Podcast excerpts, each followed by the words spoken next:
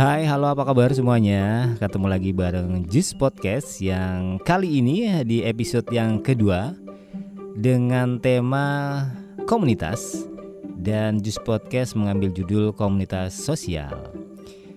Komunitas itu dapat diartikan sebagai kelompok yang saling berinteraksi di lokasi tertentu tapi ini akan berkembang ya sesuai dengan uh, kebutuhannya dan meluas menjadi individu-individu yang memiliki beberapa kesamaan karakteristik tanpa melihat lokasi atau tipe interaksi.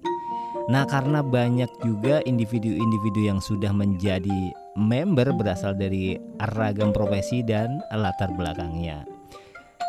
Sebagai uh, statement dari Kedel yang tulisannya kita ambil dari www.lindungihutan.com Kettle menyatakan bahwa komunitas adalah sekumpulan individu yang dalam hubungannya dapat memuaskan kebutuhan satu dengan yang lainnya. Nah, ini dia makanya dari sini kita bisa mengerucut ke yang namanya komunitas sosial. Nah, bagaimana sih ciri-ciri komunitas sosial itu? Tapi sebelum ke ciri-ciri komunitas sosial, ada beberapa komunitas sosial yang ada di seputaran kita mungkin ada beberapa ya yaitu komunitas uh, pedesaan, kemudian komunitas perkotaan, komunitas uh, religius, kemudian yang berikutnya adalah komunitas ekonomi.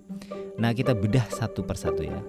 Bahwa komunitas uh, perkotaan itu tapi sebelum ke komunitas perkotaan ya, ada ciri-ciri komunitas sosial. Bagaimana itu? Sebenarnya uh, komunitas sosial itu mempunyai ciri-ciri sebagai kesatuan hidup yang tetap dan teratur. Yang kita tahu bahwa kehidupan sosial yang sama mungkin ya menjadikan mereka merasa bisa lebih bersatu sebagai kelompok sosial. Nah, sebagai suatu kelompok sosial, komunitas merupakan kesatuan hidup manusia yang tetap dan teratur yang mana hubungan antara anggotanya itu berlangsung secara akrab, kekeluargaan, saling mengenal atau face to face ya, ketemu uh, fisik gitu ya dan saling menolong. Yang inilah sifat dasar dari komunitas uh, sosial ya. Kemudian juga mungkin ini lebih ke akamsi ya. bersifat teritorial. Nah, unsur utama dan khas yang menunjukkan satu kelompok sosial sebagai komunitas sosial ya daerah yang sama tempat kelompok tersebut berada Nah, oleh karena itu komunitas ini sering disebut sebagai akamsi gitu ya. Anak kampung sini gitu. Nah, contohnya eh, kelompok sosial yang bertempat tinggal di lingkungan sekitar aja, RT, RW, desa gitu ya. Dan mungkin perlu diperhatikan eh, perlu diperhatikan satu hal yang kita harus tahu bahwa dalam komunitas, dalam komunitas itu tidak mengandung pengertian regionalisme atau daerah yang luas kayak kabupaten atau provinsi. Ya skupnya ya kecil-kecil aja kecuali ya kalau komunitas yang uh, bukan bersifat teritorial gitu ya. Nah ini bisa bisa lebih lebar cakupannya.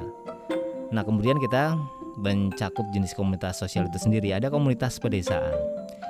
Orang-orang memberikan pengertian tentang desa itu didasarkan pada sudut pandang masing-masing ya. Banyak uh, yang memberikan sudut panjang uh, sudut pandangnya. Nah, salah satunya adalah Philips Ruop. Yang ini uh, Jus Podcast ambil dari laman www.materiedukasi.com. Nah, Philip Robs mengemukakan bahwa secara sosiologis desa itu merupakan uh, daerah yang sama dilihat dari uh, dari segi geografis dan administratif. Awal kemudian ada nilai sosial yang sama Artinya seluruh anggota masyarakat desa itu menganut nilai-nilai sosial yang sama, ya kan betul kan? E, mereka menganggap bahwa nilai-nilai sosial yang sama itu bisa menjadikan mereka berkumpul gitu ya. Kemudian yang berikutnya adalah kegiatan yang sama, terutama dalam sistem mata pencaharian. Mungkin bisa seperti di pedesaan kan ada petani gitu ya, kemudian ada uh, profesi lain lah ya yang uh, yang kebanyakan ada di desa gitu mereka bisa lebih bersatu atau menjadi satu komunitas. Nah masyarakat desa pada umumnya itu di bidang pertanian yang tidak lepas dari pengaruh lingkungan alam kayak tanah, kemudian iklim dan morfologi, artinya dataran, pegunungan, pantai dan tata kelakuan. Itu corak kehidupan di desa didasarkan pada kekeluargaan yang erat dan termasuk pada masyarakat paguyuban lebih ke uh, tingkat berkumpul secara ke, uh, kesamaan gitu ya. Kemudian ada lagi selain komunitas pedesaan ada uh, komunitas perkotaan. Nah, ini juga ada beberapa uh, sarjana sosiologi yang memberikan definisi tentang kota secara berbeda-beda ya, sesuai dengan sudut pandang masing-masing tentunya. Nah, kita ambil satu lagi dari uh, statement beliau yang kita ambil dan kita sadur dari laman www.materiedukasi.com juga bahwa uh, ini dari right ya. Kota itu adalah pemukiman yang relatif besar, padat dan permanen serta dihuni oleh orang-orang yang heterogen kedudukan sosialnya. Akibatnya, hubungan sosial itu menjadi longgar, saling acuh ya, acuh tak acuh gitu dan tidak bersifat pribadi. Kemudian ada Haris dan Ulman juga menyatakan bahwa kota itu merupakan pusat pemukiman dan pemanfaatan bumi oleh manusia. Bahwasanya kota-kota itu sekaligus menjadi uh, paradoks gitu ya. Dan pertumbuhannya itu sangat cepat. Dan uh, karena memang kota itu sangat pesat ya untuk pertumbuhan sehingga menjadi perluasan kota-kota gitu ya. Kemudian berdasarkan pengertian yang seperti tadi di, ya, kita jabarkan bahwa nampak beberapa aspek yang merupakan ciri kehidupan dalam komunitas perkotaan. Mungkin uh, ada suatu tempat disebut kota apabila penduduk atau masyarakatnya dapat memenuhi sebagian besar kebutuhan ekonominya di pasar lokal. Jadi mereka bisa memenuhi kebutuhan uh, ekonominya itu di pasar lokal ya. Itu bisa dikategorikan sebagai kota. Nah, masyarakat perkotaan yang bertempat tinggal di tempat-tempat yang strategis untuk kedua kebutuhan penting yaitu perekonomian dan pemerintahan itu eh, tempat-tempat uh, yang demikian juga memberi jaminan terhadap pelancaran transportasi, komunikasi dan informasi. Misalnya aja uh, infrastruktur jalan raya gitu ya Kemudian kalau di daerah uh, pantai sudah ada banyak tempat-tempat pariwisata dan mungkin di sekitar bantaran-bantaran sungai gitu ya. Kemudian struktur hidup perkotaan yang mencakup keanekaragaman penduduk itu seperti ras, etnis dan kebudayaan sudah mencampur gitu ya. Kemudian kota juga merupakan kumpulan sekelompok sekunder kayak asosiatif uh, asosiasi pendidikan, partai politik, kemudian pemerintahan, perekonomian kayak gitu-gitu ya mereka sudah menjadikan kelompok sekunder. Dan pergaulan hidup penduduk kota itu bersifat individualisme. Setiap orang tidak bergantung kepada orang lain. Akibatnya, ya antar individu uh, antar individu tidak saling mengenal. Hubungan pribadi berubah menjadi kayak hubungan kontrak aja gitu ya. Kemudian uh, komunikasi dilakukan melalui media komunikasi massa, kayak uh, bisa kita sebar di medsos gitu ya. Kemudian koran juga kalau ada koran elektronik ya. Kemudian uh, radio televisi uh, dan gadget lah ya dan lain sebagainya nah kemu, uh, kemudian komunitas yang terakhir adalah komunitas religius. Komunitas religius ini adalah suatu bentuk kehidupan bersama yang didasarkan atas motif uh, keagamaan.